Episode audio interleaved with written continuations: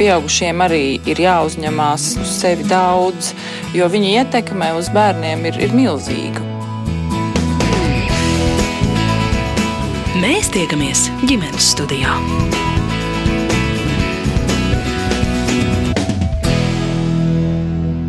Labdien, un esiet sveicināti ģimenes studijā. Šodien, kā piekdienās ierasts, dodamies viesos, un šoreiz tā būs Krēziņu ģimene Rīgā. Māma Romija ir biežs viesis ģimenes studijas diskusijās, jo strādā pusauģu resursu centrā un pati studē psiholoģiju. Tētis Dāvis, uzņēmējs un arī šobrīd studē, tāpēc viņu ikdiena pašlaik ir pakļauta striktai plānošanai. Abi audzina divas meitas un uzsver, ka rūpes par māju un bērniem dala vienlīdzīgi. Sarunā viņa arī atklāti dalās ar izaicinājumiem, kas izdzīvoti veidojot ģimeni ap bērnu ar uzvedības traucējumiem, bet par visu pēc kārtas.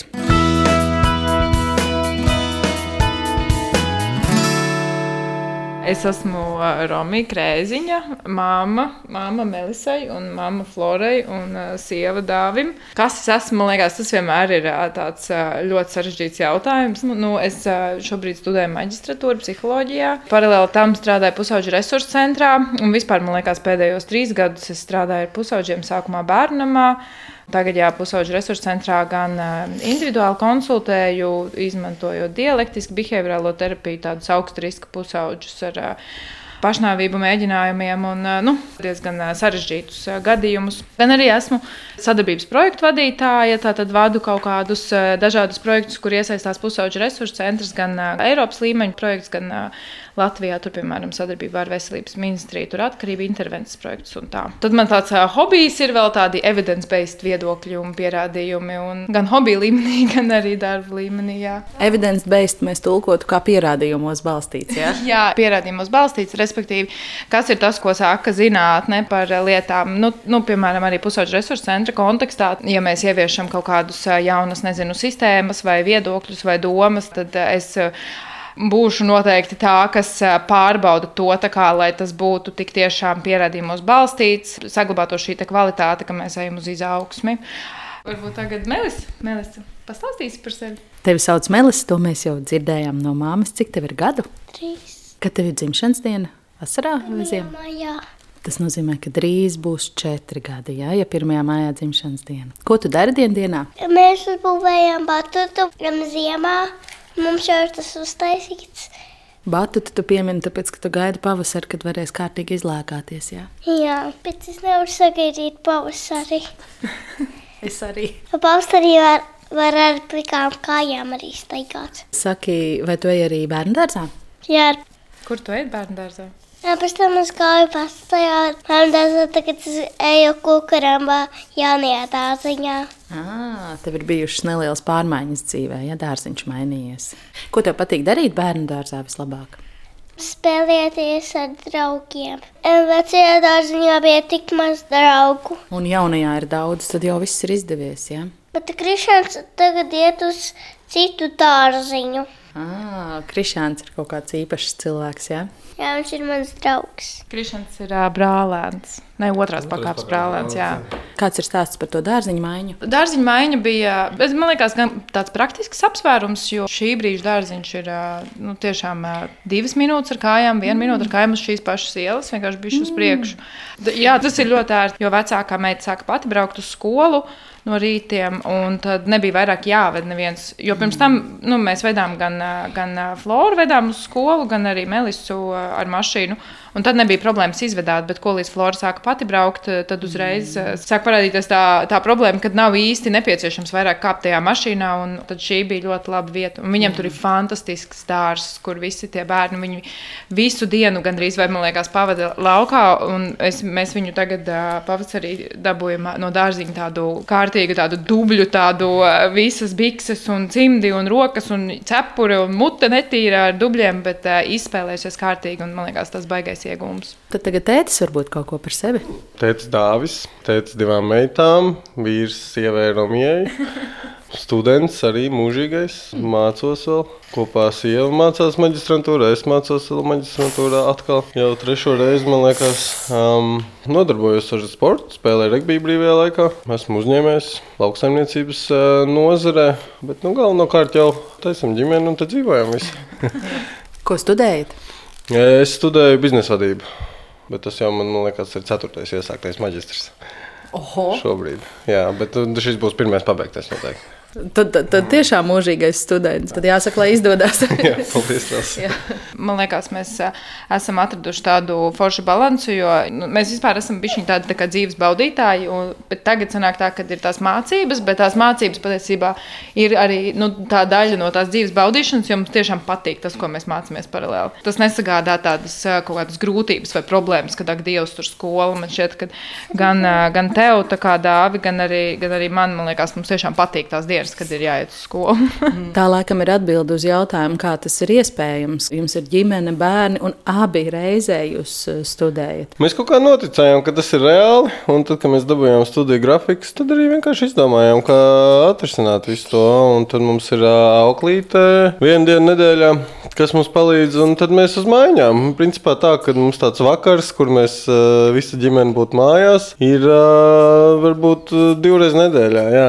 Nu, brīvdienās mēs esam visu laiku, jā, bet nu, mums ir viena darba diena, kur mēs to vakaru pavadām visi kopā. Ap gadu mēs esam, man liekas, tā nodzīvojuši. Vēl gadu tā nodzīvosim, kad nu, vienu ceturtdienas vakaru mēs visi kopā pavadām. Bet tā, principā, ar to vienu vecāku tad visu laiku, vai vienu vakaru vēl ar auklīti. Tomēr tas laiks, kad mēs esam visi kopā, vai bērni ir tikai ar vienu vecāku, viņš jau arī ir ļoti uh, labs un piepildīts. Mēs dabūjām tos grafikus, un tad mēs salikām kopā, kā tas izskatās.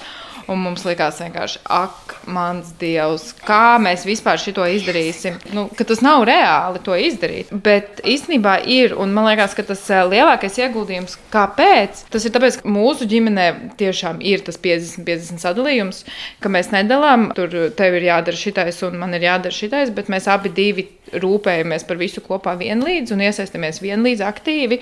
Un tad arī visas tās eh, kaut kādas grūtības viņas pat īstenībā nemana. Es pat šobrīd eh, teiktu, ka jā, ir sešas, man principā sanāk sešas dienas nedēļā.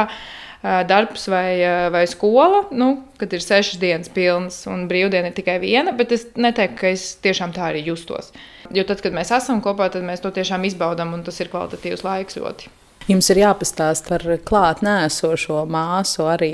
Jā, Flora ir mana meita no manas pirmās laulības. Es biju ļoti jauna, kad Flora piedzima. Man vēl nebija pat 20 gadi. Jā, Florai šobrīd ir 10 gadi. Viņa mācās 3. klasē. Un, laikam, Flora bija tas bērns, ar kuru tu izaudz. Man nācās izaugt ne tikai kā sievietei, bet man nācās izaugt arī kā mammai. Un arī kā es teiktu, viņa bija tas nu, iemesls, kāpēc es sapratu, ka es vēlos savu dzīvi saistīt ar, ar jauniešiem, ar pusaudžiem, ar bērniem, ar psiholoģiju. Jo Floras bērnība bija diezgan grūta, jo viņai bija diezgan nopietni uzvedības traucējumi, ļoti smaga valodas aizture. Tad meklējot tos iemeslus, kāpēc mūs tur sviež ārā no dārziņiem un negrib neviens nekur paturēt, tad sapratu to, ka viņai ir autiskā spektra traucējumi. Nu, jā, tas tā kā tādai jaunai mammai, kas ir viena pati, ir, ir diezgan nopietns, varbūt tāds pārbaudījums, kam iziet cauri, jo ir tās caurajošās bailes. Un tad, lai kaut kā mēģinātu kontrolēt visu to situāciju, tad es sāku, sāku studēt. Un man tā kā nu, tiešām ieinteresēja viss gan šie audzināšanas aspekti, gan tā bērnu attīstība attīstību, bērnu psiholoģiju, visu par autismu. Nu, ļoti, ļoti tiešām ieinteresēja. Tad, jā, pirms sešiem gadiem mēs satikāmies, un tad kaut kā. Man liekas, ka nu, tad, kad tā ģimene izveidojās, tāda viena liela ģimene, tāds liels tāds atbalsta kodols. Patiesībā visas šaubas, un visas bailes un visas uztraukumi arī saistībā ar floru pazuda. Jo, jo var redzēt, cik ļoti viņa ir un viņa tiešām ir gan skolas dēļ, kurā viņa mācās, gan nezinu, klases audzinātājs dēļ, gan speciālistu, kas viņas tādā agrīnā bērnībā bija visi iesaistīti, gan arī mūsu dēļ, gan arī mana vīra dēļ. Viņa ir attīstījusies par fantastisku jaunu meiteni, kur ir ļoti, ļoti radoša, ļoti talantīga, ļoti draudzīga. Viņai ir liela draugu grupa, viņa ir iejutusies skolā, viņa nu, attīstās. Principā šobrīd to, ka viņai ir autisms, nu, ļoti minimāli minimāli var redzēt kaut kādu veiksmīgo faktoru kombinācijā. Bet Flora ir, ir fantastisks, visradošākais cilvēks, man liekas, ko es pazīstu. Un Flora šobrīd ir uh, dzimšanas dienas ballītē pie draudzenes, kā Romija teica, viņai labāk gribējās būt tur nekā sarunā ar ģimenes studiju, kas, protams, ir ļoti saprotama.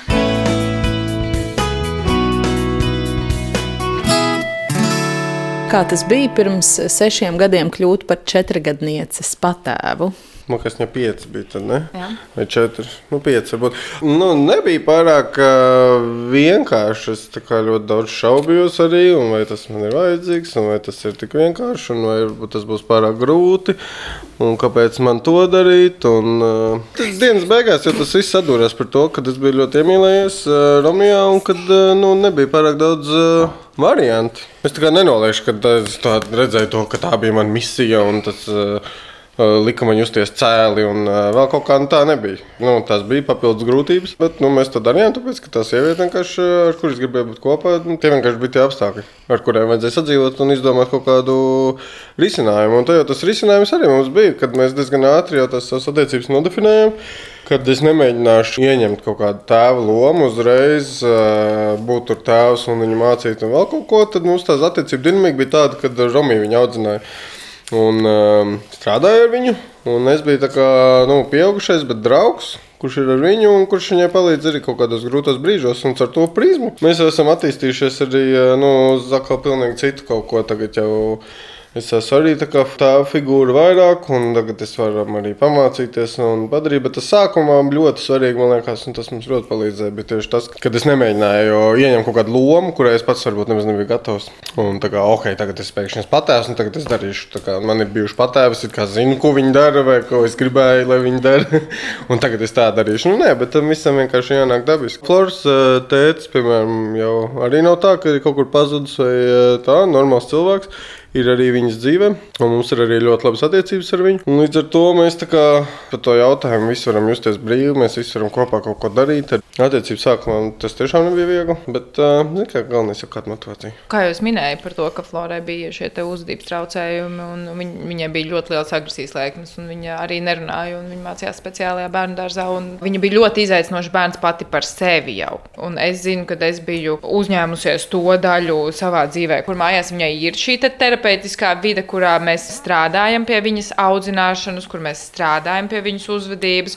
Un viņa no manis, kā, nu, savā ziņā, viņai nebija tāda nu, viegla dzīve mājās, kur tu vari darīt visu, ko tu gribi. Bet uh, tu mājās mācījies, nezinu, viņa gribēja tur paņemt tābolu, un uh, viņa nevarēja vienkārši man parādīt ar pirkstu, un tad uh, raut mani aiz rokas un čīkstēt, un pēc tam krist uz zemes un kliegt.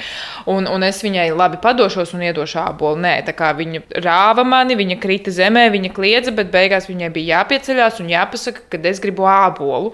Un tikai tad viņa dabūja to ābolu. Un, respektīvi, tāda bija tā vide. Un tāpēc es zināju, ka, ja viņai būs vēl viens cilvēks, kurš viņai arī vai ne, tā kā nē, tagad tu celies augšā un, un pasaki, ka tu gribi ābolu, tā kā tas nestrādāt. Jo pirmkārt, viņai bija problēmas arī ar jebkādām autoritātēm pieaugušie. Viņai, nav, viņai nebija nekāda autoritāte, viņa nesaprata, kāpēc viņai vispār ir jāklausa. Un tās bija arī manas bailes par to, ka es zinu, ka ko līdz viņš viņu sāks mēģināt mēģināt audzināt. Cilvēks, kurš varbūt nesaprot to, nu, tos principus, tas nav viegli arī izturēt vispār. Bērnu, kuram ir tādi uzvedības traucējumi. Bet ar to arī bija diezgan liela problēma. Arī no sākuma, jo tos principus man neiedod no vienas rokas grāmatas, nezinu, kāpēc no paša sākuma, kas man ir jādara ABC un Z. Un tad uh, es vienkārši gāju un darīju pēc tās prizmas. Man vienkārši uzreiz jau pieauguši bērni nu, iedod, un es ar viņu dzīvoju kopā. Man pašam nav bērns. Bijis pirms tam, tad vēl viņam ir uzvedības problēmas kaut kādas. Un tas nu, laiks, kamēr es sapratu, vienreiz jau viņi man pateica, kā labāk ir jādara. Bet tam ir ar laiku, jo tas ir kamēr iestrādājās. Tad tikai tad tas aiziet.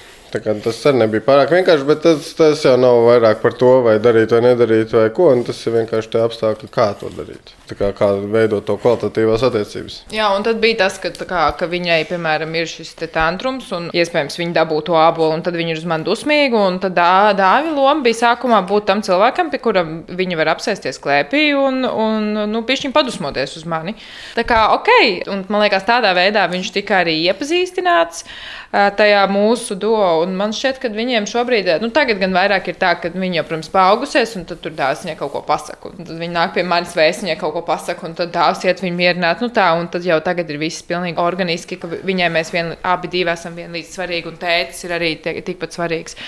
Bet jā, sākumā bija tā, ka tur vispār viņš viņai bija pilnīgi vienaldzīgs. Viņai pat nebija pret viņu antipati. Viņa vispār ne, nu, kā, nemaz nezināja, ka viņš tur bija.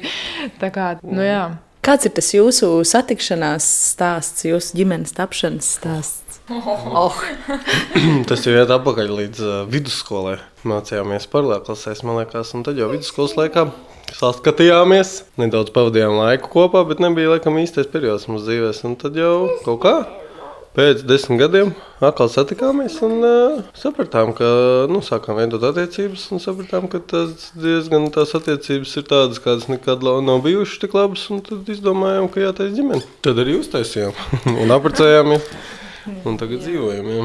Ļoti maz cilvēku patiesībā paliek tavā dzīvē no vidusskolas. Un tad, eh, tad Dārzs bija cilvēks, ar kuriem tiešām eh, ik pa laikam mēs gājām eh, nu, tur pāriest pusdienas vai kaut kur satikāmies netīšām. Un, uh, viņš vienmēr bija, ja es domāju par to, nu, kā, kas ir mani draugi, tad viņš vienmēr bija tajā sarakstā, nu, kas ir mani draugi. Un tad jau ne, tā arī saka, ka, nu, kā, ja tu apprecēsi savu labāko draugu, tad es nezinu, visu mūžu varēs būt kopā ar savu labāko draugu. Jo man šķiet, ka nu, tas ir to ļoti to veiksmīgo kaut kādu attiecību pamatā, ka mēs esam gan draugi, gan arī mīļākie. Un, un tas tomēr ir ļoti skaisti, jo tā draudzība ir neatsverams atbalsts. Jā, viņš ir mans lielākais balsts dzīvē. Mm. Skaisti teikt, Melisa, tu visu laiku gribēji kaut ko teikt, piedod, ka es liku tev gaidīt. Kad mēs ar mammu ejam uz visu laiku uz dārziņu, tad es dažreiz iepamāju par lodziņu. Ah, tad, kad tu paliec dārziņā un mamma iet prom, jā? Ja? Jā. -hmm. Mums ir uh, pat īpašs mājiens. Es vienīgi to nevarēšu. Skaniski nekādīgi atrādīt. mums ir atkal savs īpašais mājās arī. À, jums ir savējais arī, jā? Mums ir arī vilnīši, bet mums ir apakšā tā vilnīša. ah, jā, jā, nē, mums ir šī tāda vilnīša.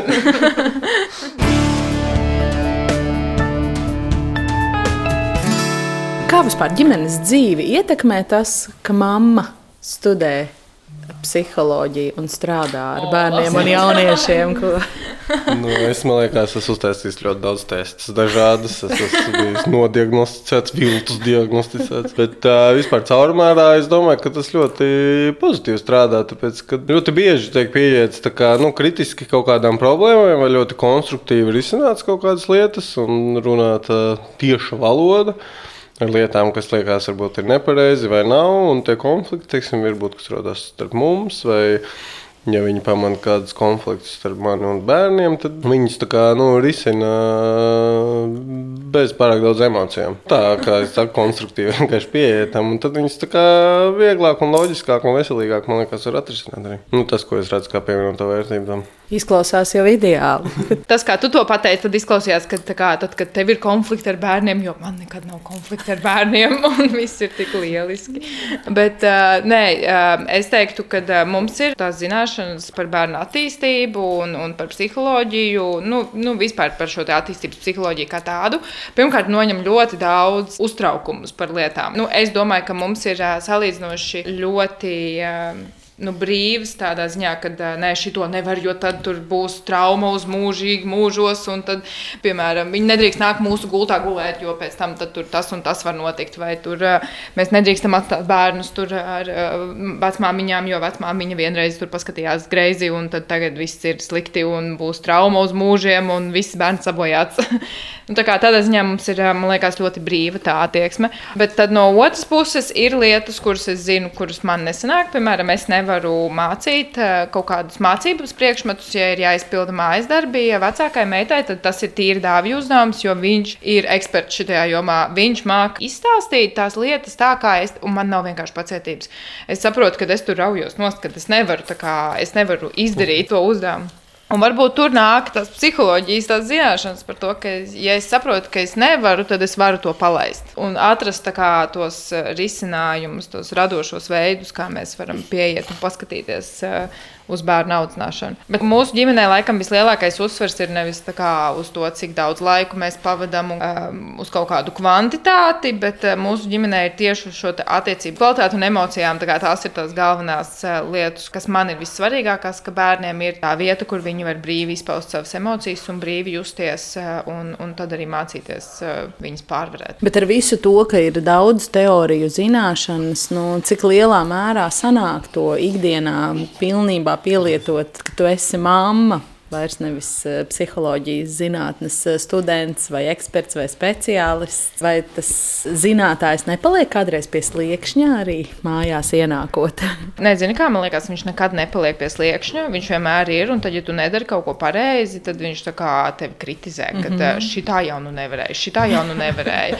tad ir savukārt tas otrs eksperts, kurš saka, ka nē, bet viss kārtībā, kā, šim nebūs nekādas ilgtermiņa, un tu arī esi tikai mamma, un tev ir jāspēj sabalansēt šīs lietas lietas. Tas eh, kritizētais ir visu laiku, bet eh, noteikti nav tas variants, kurā nezinu, mēs savus bērnus audzinām tur vispareizāk no visiem. Ka tas tagad viss mēs tur darām eh, ideāli un nesadusmojamies, vai ka viņas kādreiz neraud vai, vai kaut kas tāds. Nu, kā jau visā, kā jau jebkurā ģimenē tā mierinošā balstiņa ir ļoti svarīga. Jo man liekas, ka mūsdienu vecāki, tie, kas interesējas par bērnu audzināšanas jautājumiem, viņiem ir diezgan grūti, jo tev ir ļoti liels informācijas apjoms par to, kā jābūt, kā vajadzētu. Nu, principā atkāpes no normas ir gandrīz vai viss, ko tu dari beig beigās. Uh, jā, man liekas, ka man tā mierinošā balss ir tāds, uh, jā, viņa ir ļoti spēcīga par to, ka tā dzīve nav perfekta. Un, un es arī domāju, ka bērniem arī nav jāuzaug perfektā ģimenē.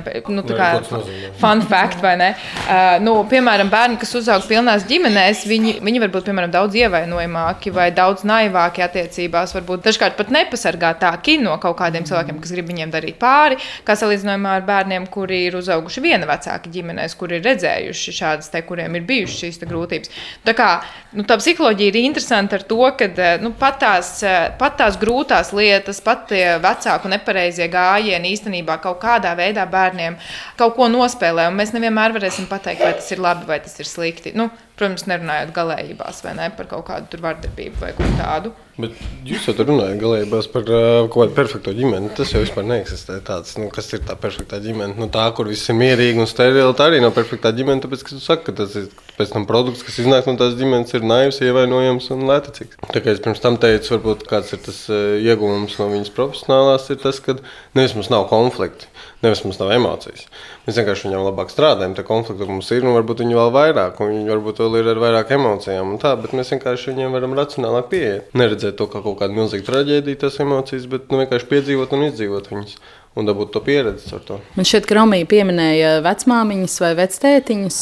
Varbūt divi jautājumi vienā, vai jūs paši esat no Rīgas un vai jūsu uh, paplašinātā ģimene vecvecāki, cik lielā mērā ir iesaistīti jūsu dzīvē un ikdienā?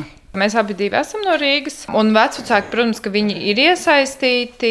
Vec, vecāki, vec, vec, vec, vec, vecāki ir kā bērnu vecmāmiņas. Bet viņas ir, viņas ir salīdzinoši jaunas. Viņām ir abām divām, gan manai mammai, gan arī dāvim mammai, viņām ir savas darīšanas, viņām ir savi darbi. Protams, viņas ir atbalsts, un, un ja ir nepieciešams, mēs varam piezvanīt. Un tāpat tās, kad Melisa tikko bija piedzimusi un man bija jāiet kā jākārto eksāmeni, bija gan, bija gan auklīte, kura, kura bija diezgan iesaistīta, gan, gan arī mana māma, kas bija ļoti iesaistīta, gan arī mana vecmāma, vai ne, gan arī tava māma. Nu, viņas ir, protams, kaut kāds atbalsts, bet mūsu ģimenē nav tā, ka mums vecmāmiņa tur brauc katru nedēļu, taisīt ēst un palīdzēt un tā tālāk. Nē, tādā ziņā mēs esam ļoti patstāvīgi. Eh, drīzāk mēs pie viņiem braucam ciemos. Omītas ir modernās omītas. Omītas mums ir modernās omītas, jā, nu mums ir uh, Romijas vecmāmiņa, kas ir bērniem vecmāmiņa, kur uh, ir tā visbiežākā tusētāja ar bērniem, ka mēs gribam kaut kur aiziet brīvdienās, piemēram, pagaidibišķi, ka mēs gribam kaut kur aiziet brīvdienās, vai arī kāds no mums ir kaut kur izbraucis no valsts, un otram vajag iet tur uz skolu vai kaut ko, tad tā ir tā, kas mums vienmēr izpalīdz. Jā. Bet jā. tā vispār vecmāmiņas ir iesaistītas, viņas vienkārši ir ļoti neregulāri dzīvnieki mūsu dzīvēm. Es ļoti vēlētos, lai mums būtu vecmāmiņa, kurai varētu piezīmēt, hei, tā kā rekur, mēs to šovakar atvadīsim bērnus. Jā, tādas mums nav. Tādā lielākā mērogā skatoties, mums, mums ir noteikti, mēs neesam uh, tikai divi ar bērniem, un, un mums nav neviens cits. Jā, tā nav. Mums ir tas lielais atbalsta tīkls patiesībā, kuram rokās var iekrist, ja ir slikti, un ja ir grūti, vai ja ir kaut kādas vajadzības.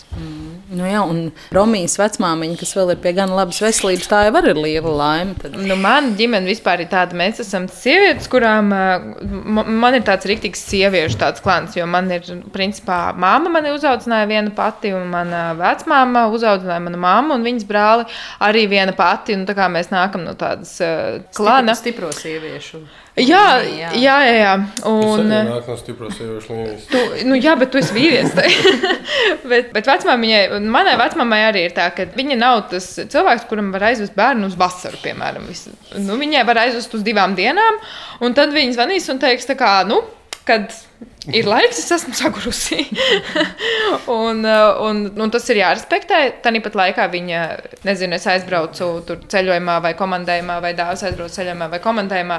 Viņa būs pirmā, kas piezīmēs un teiks, es zinu, ka tev ir grūti, bet pie manis es parūpēšos, man tur tagad ir tas ieplānots. Un man šķiet, ka viņai uzlabojās veselība, kad viņa ar tiem bērniem dzīvojās. Jo viņa var, viņa var pirmdienā būt slimnīcā un sestdienā prasīt bērnus, lai ved, un tad, kad sestdienā aizved viņai bērnus, tad sestdienas vēdienu un nākamo visu vēl nākamo nedēļu viņai viss ir kārtībā.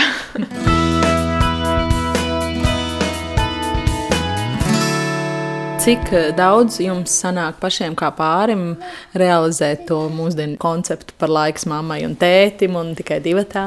Nu, katru vakaru līdz gulētiešanai. Bērniem laicīgi iet gulēt. Bērni iet laicīgi gulēt, jā, un tad mēs tur pasēžam kopā un kaut ko vai papļāpājam, vai palasām, vai paskatāmies kādu filmu. Mēs mākslinieki reizi mēnesī kaut kāds mums ir tur weekends. Mēs... Ik laikam janvārī, Auklīte janvārī bija mēs bijām Berlīnē. Auklīt bija. Auklīt bija domāta tam ā, viens vakars nedēļā, kur vecāki pavadīja kopā, un tagad viens vakars nedēļā mēs viņu pavadām kopā, bet pie manas oficiālā viens skolā, otrs savā skolā.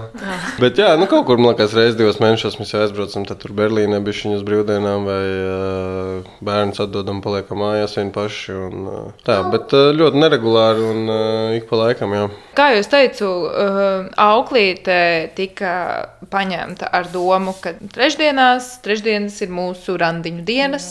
Mēs trešdienās ejam randiņos, un tā mēs visu vasaru nogājām, man liekas, trešdienā randiņos, un tad septembrī dāvis iestājās savā augstskolā. Un tad trešdienas mums pārvērtās par dienām, kurās viņš mācās, un es viņam blakus strādāju, bet mēs pavadām laiku kopā kaut kādā mērogā.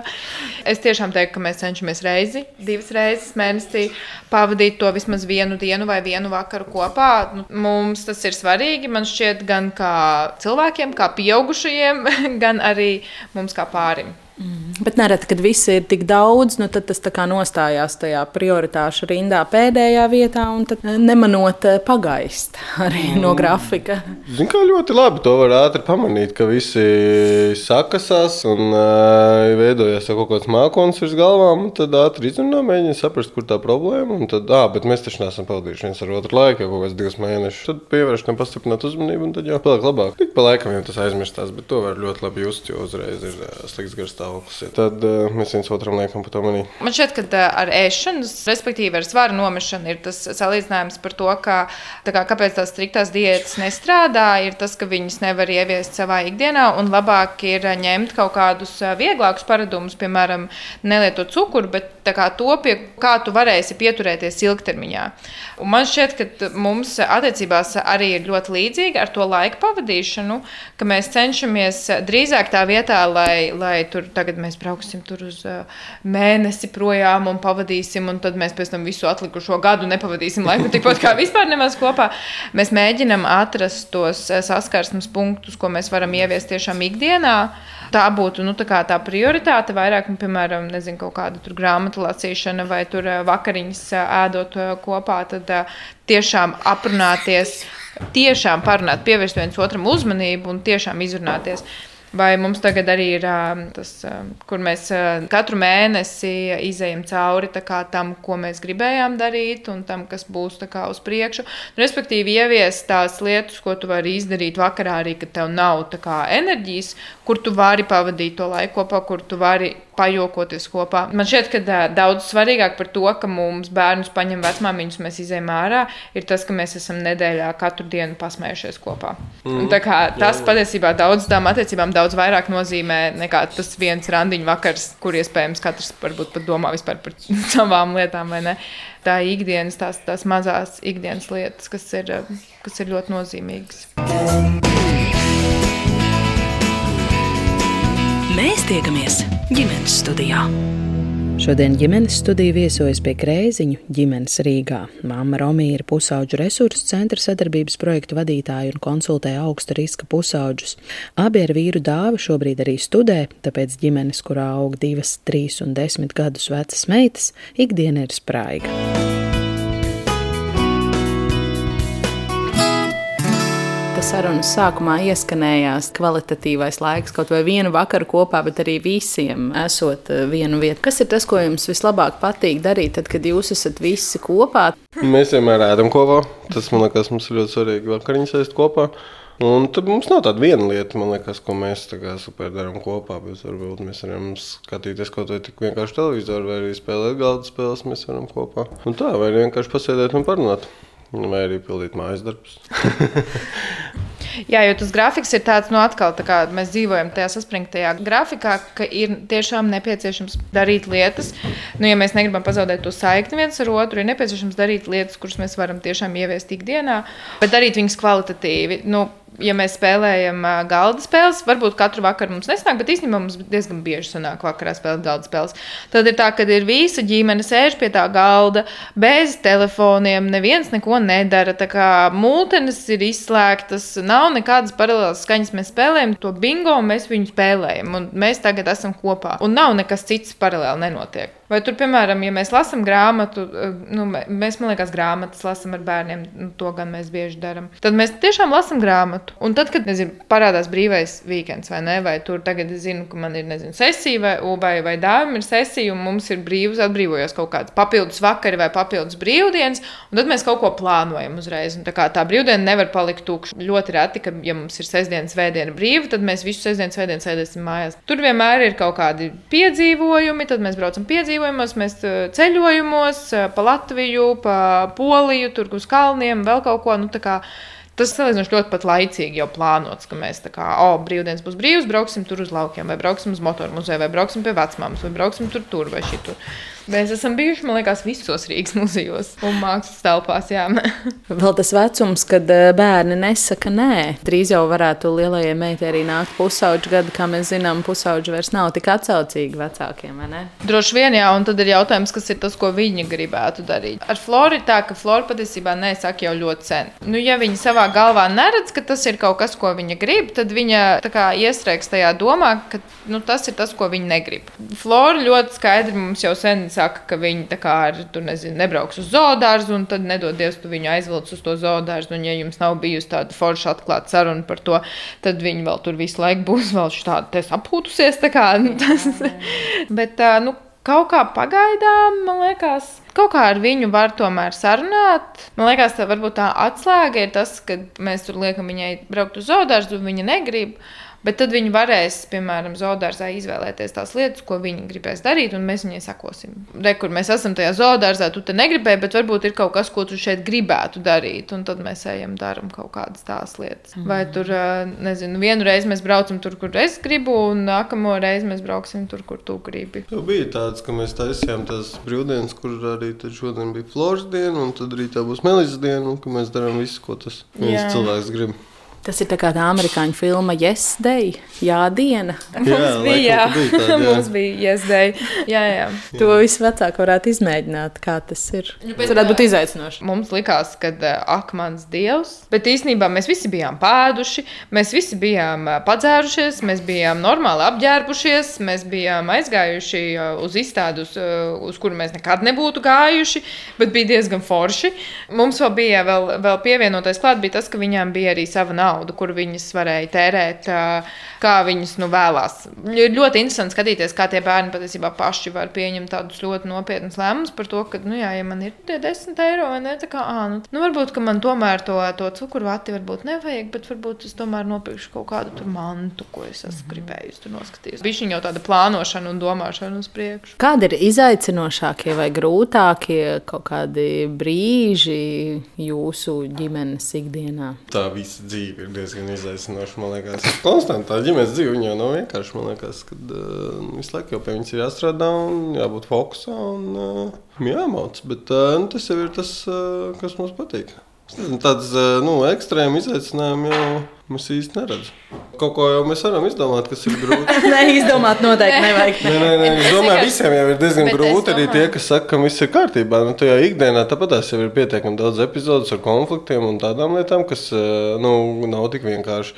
Vai, piemēram, ir kaut kāds vēl tur uzskats, eh, vecs, tur, vai ne? kāda ir tā sievietes loma ģimenē un kāda ir vīriešu loma ģimenē. Un mums tā kā tas. eh, Es nu, gribu zināt, Nē, nu, mums vienkārši tāds vecmodīgais tas sadalījums neeksistē, bet vēl aizvien ir kaut kāda piedēkļa no tā, piemēram, ē, nu, kas varbūt būtu sievietes pienākumi, kas varbūt būtu vīriešu pienākumi, bet mūsu pienākumi ir visi pienākumi. Man liekas, ik pa laikam varbūt uzpeld kaut kas tāds, kas arī veicina konfliktu par to, ka es kaut ko vienkārši domāju, ka nē, man tas nav jādara, bet kad īstenībā, kāpēc man tas nebūtu jādara, es to varu darīt. ka šis gan kā ļoti sen nav bijis. Jā, nu nav sen bijis. Bet man šķiet, ka tur ir par to, ka kā, kā tu skaties uz to savu dzīvi. Nu, skaidrs, ka ja tu klausies raidījumu, vai ne?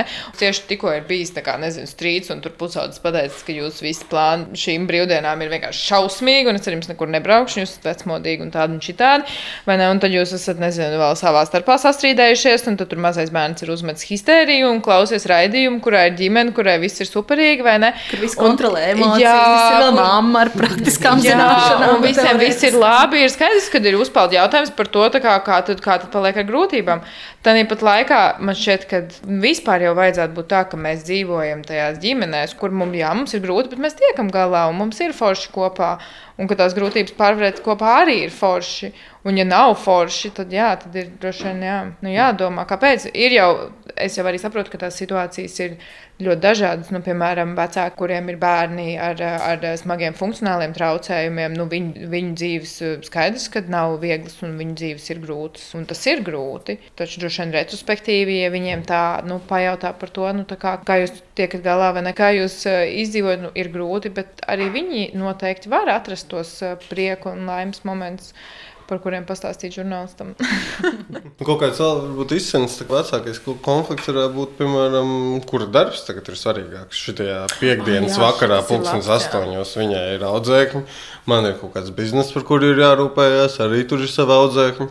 Kā izdomāt to, kurš nu tagad ir svarīgāks? Tāpēc, kad abi divi ir vienlīdz svarīgi, abiem diviem tas ir vienlīdz svarīgi. Viņai ir svarīga savu karjeru, man ir svarīga savu karjeru, man ir arī svarīga viņas karjeru. Nu, tikpat ļoti, cik viņai ir svarīga mana karjeru. Kurš piekāpsies, kurš kaut ko atcels un kurš ies un darīs to savēju. Bet nu, tas mums kaut kā sen nav bijis, laikam, tāpēc, ka mums ir beigā sistēma izveidota. Mēs tā kā varam saplānot to laiku, bet pašā sākumā, kad man viss bija nenoteiktāks un kad Romijai bija arī daudz kas nenoteiktāks, tad nu, ekspromptum, ka kad- parādās kaut kādas lietas, vai šodien man vajag. Šodien viņa ir kādreiz bērnamā, un tagad man ir naktsmājiņa. Saka, "Nu, bet man ir krīze tur. Nu, kā mēs to tagad atrisināsim? Un tas bija ļoti liels konflikta avots, kurš ir svarīgāks, kura karjera ir svarīgāka, kuram ir svarīgākas problēmas.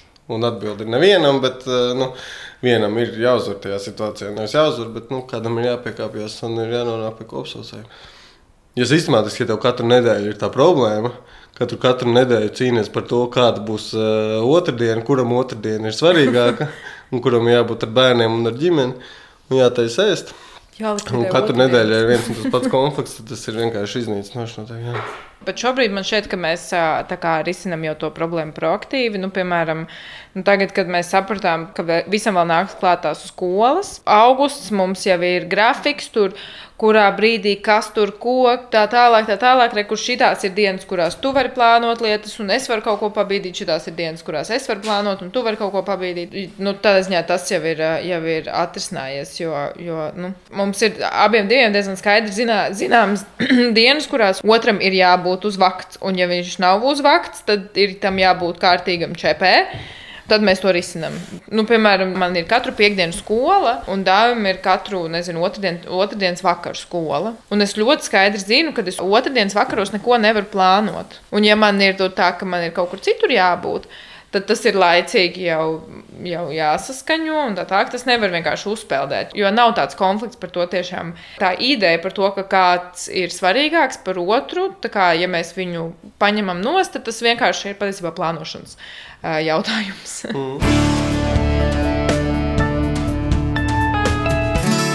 teici, ka tavs darbs ir grūtie pusauģi. Nu, tas ir tāds mm. galvenais fokus šobrīd. Ja mēs nerunājam par tādiem ekstrēmiem gadījumiem, kur varbūt ir tiešām ļoti nezinu, sociāli nelabvēlīga vide vai kaut kas tamlīdzīgs, kāda ir tava novērojuma, kas ir biežākās, eh, rupjākās vecāku problēmas, ko viņi pieļauj attiecībā uz saviem eh, pusauģiem? Es esmu um, dialektiski behaviorālā terapijas speciālists. Tas nozīmē, ka es izmantoju darbā ar pusauģiem dialektiski behaviorālo terapiju un tajā gūtās tātad, mācības un atziņas. Skaidrs, rūpīgākās kļūdas ir emocionāla un fiziska vardarbība. Pamešana novārtā, emocionāla un fiziska vardarbība, tas, ka mums eh, neinteresē, kur viņš ir, ko viņš iet, ko viņš dara, ar ko viņš to dara, ka mēs nezinām, kas mūsu bērnu dzīvē notiek, ka viņi, nezinu, 9 gadu vecumā dabū eh, telefonus un tad sūta kailu foto kaut kādiem cilvēkiem nepazīstamiem internetā un pēc tam paši par to pārdzīvo. Nu, tas ir diezgan rupjas kļūdas. Bet no tādas ikdienas saskarsmes ziņā, eh, tas, ko mēs saucam par emociju validēšanu, par to, cik patiesībā mēs mēs ļoti maz validējam to bērnu emocijas un cik mums viņas ir īstenībā ļoti grūti izturēt. Bērns var būt um, bēdīgs, viņš var būt dusmīgs, viņš var būt aizvainots, un viņš tāds var būt. Mums nav jāmēģina pagriezt to visu par kaut ko labāku, kā tas ir. Tāds varbūt piemērs mums, nu, Melis, Melis ir diezgan emocionāla dāma. Tāpat kā tēvs.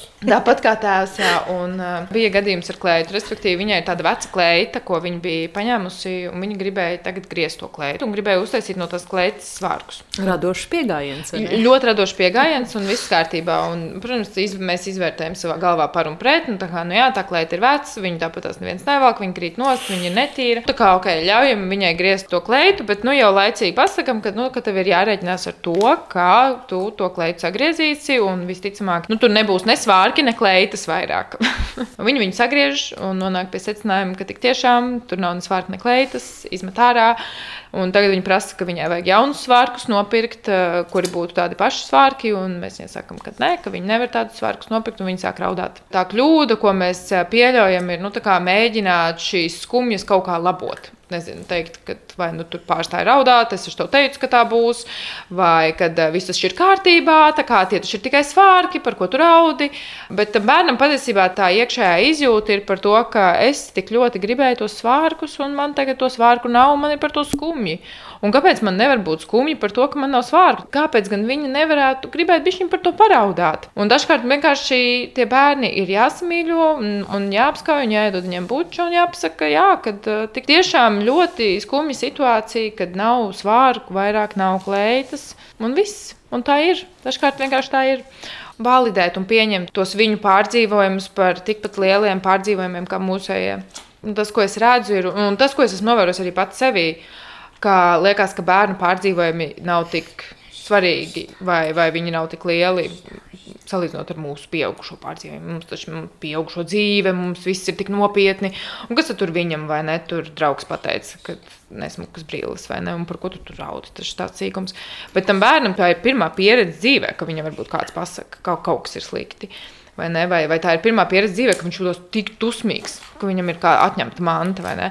Tās lietas priekš mums, pieaugušiem, varbūt liekas nu, nesvarīgas, bet tam bērnam tās ir svarīgas. Viņas ir varbūt kā, emocionāli jūtas tieši tāpat kā, kā tad, kad tev atlaiž no darba salīdzinājums ar eh, trīsgadnieku bija ļoti veiksmīgs. Tad, kad ir 13, tas jau viss kļūst sarežģītāk. Ne? Tas noteikti kļūst sarežģītāk. Tur man liekas, ka nu, trīsgadnieks skaidrs, ka viņš eh, mācās regulēt savas emocijas. 13 gadnieks kā, varbūt kaut bišķiņi ir iemācījies regulēt savas emocijas un demonstrēs to, ka viņš to spēja darīt. Tad viņam uzdod, kā, uzdod virsū hormonālā uh, un, un smadzeņu nobriešanas attīstību un tā tālāk. Un viņam uzdod emocijas tā, kā, tā ka tur šāvi vienkārši korķis ārā. Un ja mums pieaugušiem būtu tādas smadzenes kā pusauģiem, mums arī šaut korķis ārā. Nu, tur nav variantu. Tāpēc pusaudzi validēt ar viņa emocijām, pilnīgi pārspīlētajām emocijām, varbūt jā, viņiem ir grūti viņas regulēt, un viņas dažkārt ir pārmērīgi lielas priekš tā notikuma, kas ir noticis. Bet arī viņš var justies bēdīgs, un arī viņš var justies skumjš, un, un tās situācijas paliek vēl komplicētākas, un viņās navigēties paliek vēl grūtāk. Nezinu, man ļoti bieži patīk iedomāties to salīdzinājumu. Kā būtu, ja, ja manā dzīvē tā būtu? Nu, kā es justos, ja, ja manā dzīvē tā notiktu? Nezinu, piemēram, raustā aiz bīzēm vai ne? Tur kaut kādi septiņklasnieki. Un es domāju, kā būtu man, ja es aizietu uz darbu un man kāds raustītu aiz matiem. Nu, tas normāli ir vispār. nu, es arī būtu, es būtu dusmīga, es būtu šokēta, es būtu aizvainota, es nesaprastu, kāpēc. Vai, vai otrs variants, kad es gribu, piemēram, pievērst kādas meitenes uzmanību, nes, kā, vai, vai kādu puišu uzmanību, un es nesaprotu, kā to izdarīt, un tad es ņemu pirmos piemērus, kas man gadās. Un, tā, tā taču mums arī pieaugušiem ir nu, vienkārši padomāt, varbūt caur to savu prizmu, nu, nu, kā tas būtu, ja es tur būtu, kā tas būtu, ja es tā justos.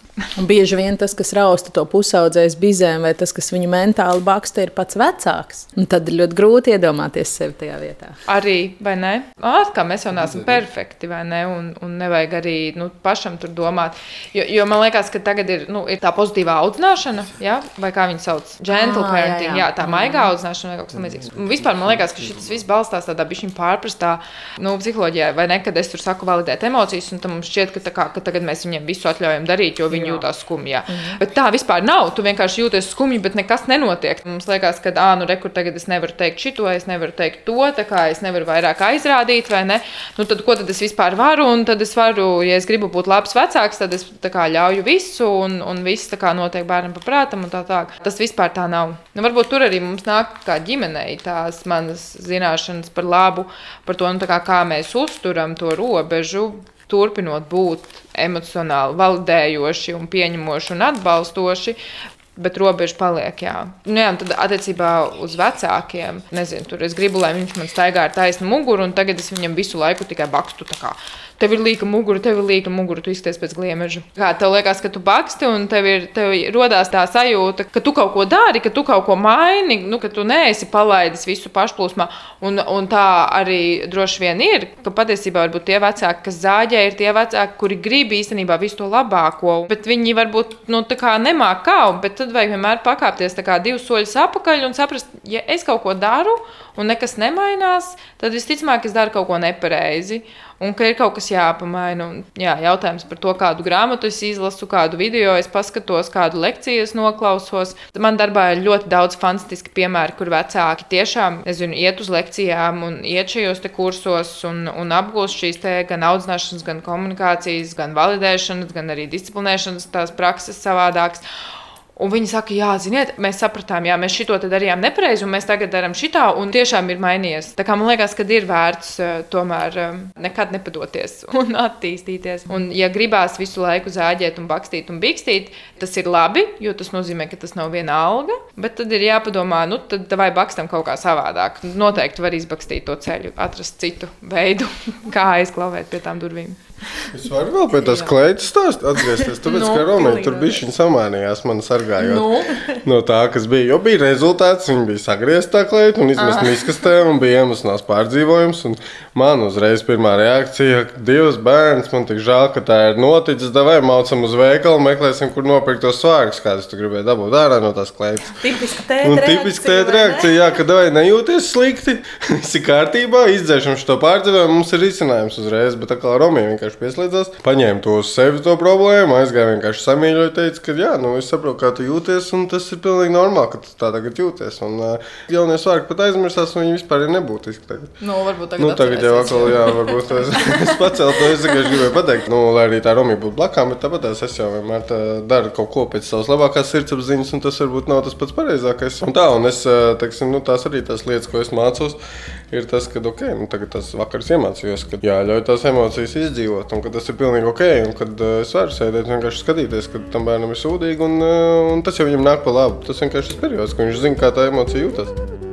Šodien ģimenes studijā iepazināmies ar Krēziņu ģimeni no Rīgas, ar Romiju Dāvi un drusku arī Melisu sarunājos es Agnese Linka. Par raidījumu tapšanu gādāja arī Sermīta Kolāte un Nora Mitspapa. Paldies, ja klausījāties un atcerieties, ģimenes studiju dzirdam arī visās populārākajās podkāstu vietnēs, arī Latvijas radio mobilajā aplikācijā un tiekamies mūsu sociālos tīklos uz sadzirdēšanos.